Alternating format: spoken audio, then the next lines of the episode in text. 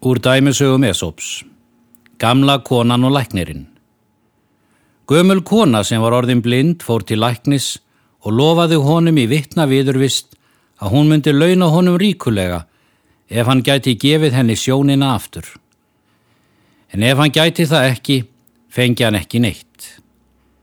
Eftir þetta kom gamla konan annars slægi til læknisins en hann gerði þó ekkert til að lækna hana en á meðan á þessu stóð tókst honum smátt og smátt að stela öllum verðmætum úr húsi hennar.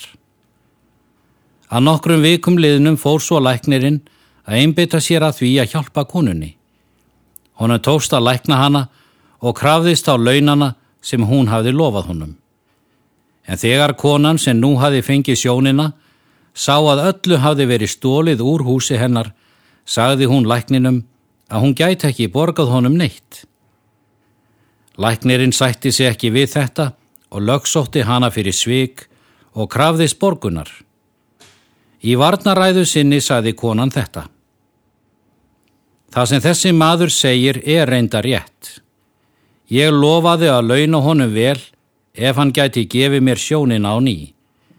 En hann fengi ekkert ef hann gæti ekki læknað augum mín. Nú heldur hann því fram að ég hafi fengið lækningu en ég er á allt annar í skoðun. Þegar ég fór fyrst að finna fyrir sjónleysinu gati ég séð alls kynns húsgögn og gripi heima hjá mér.